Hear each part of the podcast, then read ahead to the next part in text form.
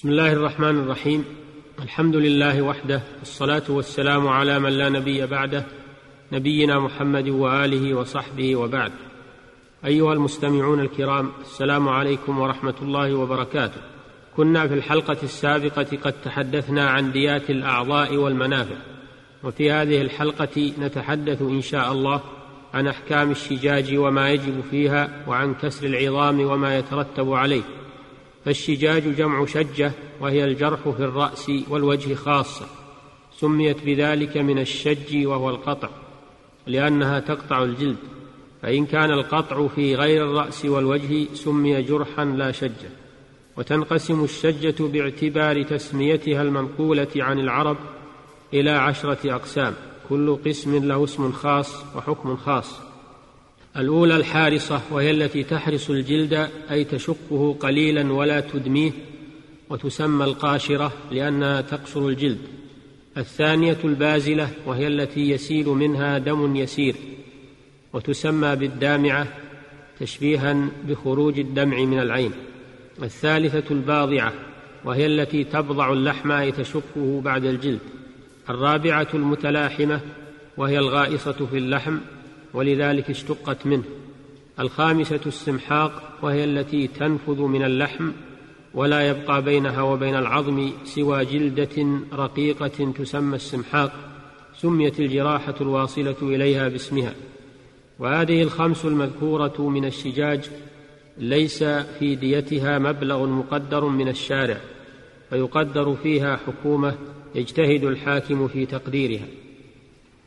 السادسة من الشجاج الموضحة وهي التي توضح العظم وتبرزه وديتها خمسة أبعرة. لحديث عمرو بن حزم وفي الموضحة خمس من الإبل. السابعة الهاشمة وهي التي توضح العظم وتهشمه أي تكسره ويجب فيها عشر من الإبل. روي ذلك عن زيد بن ثابت رضي الله عنه ولم يعرف له مخالف في عصره من الصحابة. الثامنة المنقلة وهي التي توضح العظم وتهشمه وتنقل العظام بحيث تحتاج إلى جمع لتلتئم. ويجب فيها خمس عشرة من الإبل. للحديث الذي كتبه له النبي للحديث الذي كتبه النبي صلى الله عليه وسلم قال وفي المنقلة خمس عشرة من الإبل. التاسعة المأمومة وهي التي تصل إلى أم الدماغ أي جلدة الدماغ. العاشرة الدامغة وهي التي تخرق تلك الجلدة ويجب في كل واحدة من هاتين الشجتين المأمومة والدامغة ثلث الدية.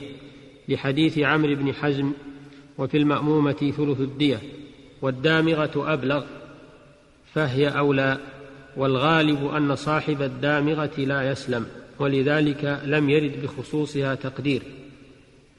وفي الجراحة الجائفة ثلث الدية لما في كتاب عمرو بن حزم وفي الجائفة ثلث الدية. قال الإمام الموفق رحمه الله وهو قول عامة أهل العلم منهم أهل المدينة وأهل الكوفة وأهل الحديث وأصحاب الرأي. والمراد بالجائفة الجراحة التي تصل إلى باطن جوف كبطن وظهر وصدر وحلق ومثانة. وأما ما يجب في كسر العظام فيجب في الضلع إذا جبر بعد كسره كما كان بعير. ويجب في كل واحدة من الترقوتين بعير لما روى سعيد عن عمر رضي الله عنه أنه قال في الضلع جمل وفي الترقوة جمل والترقوة هي العظم المستدير حول العنق من النحر إلى الكتف ولكل إنسان ترقوتان. وإن انجبر الضلع أو الترقوة بدون استقامة وجب في ذلك حكومة. ويجب في كسر الذراع وهو الساعد الجامع لعظمي الزند والعضد إذا جبر مستقيما بعيران.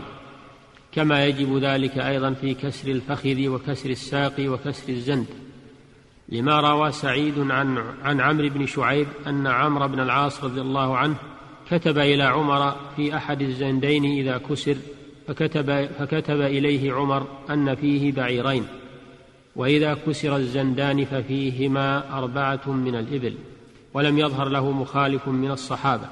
هذا ما ورد فيه التقدير من الجراح والكسور وما عداه من الجراح وكسر العظام كخرز الصلب وعظم العانة ففيه حكومة.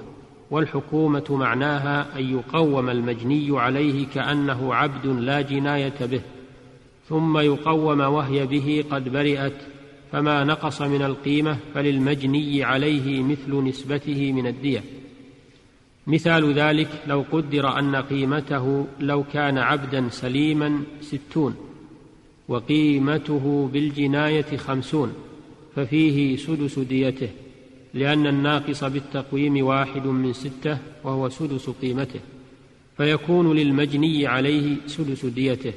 قال الموفق رحمه الله الصحيح أنه لا تقدير في غير الخمس الضلع والترقوتين والزندين لأن التقدير إنما يثبت بالتوقيف ومقتضى الدليل وجوب الحكومة في هذه العظام الباطنة كلها يعني سوى هذه الخمس بقضاء عمر انتهى. قال الفقهاء رحمهم الله فإن كانت الجراحة التي تقدر فيها الحكومة في محل له مقدر من الشرع وذلك كالشجة التي هي دون الموضحة فلا يجوز أن يبلغ بحكومتها أرش الموضحة لأن الجراحة لو كانت موضحة لم تزد غرامتها على خمس من الإبل فما دونها من باب أولى. وإذا برئ المجني عليه وعاد كما كان لم تنقصه الجناية شيئا فإنه يقوم وقت جريان الدم لأنه لا بد في هذه الحالة من نقصه للخوف عليه ولتأثير الجناية عليه حينئذ. أيها المستمعون الكرام بهذا القدر نكتفي في هذه الحلقة فإلى الحلقة القادمة بإذن الله. السلام عليكم ورحمة الله وبركاته والحمد لله رب العالمين وصلى الله وسلم على نبينا محمد وآله وصحبه.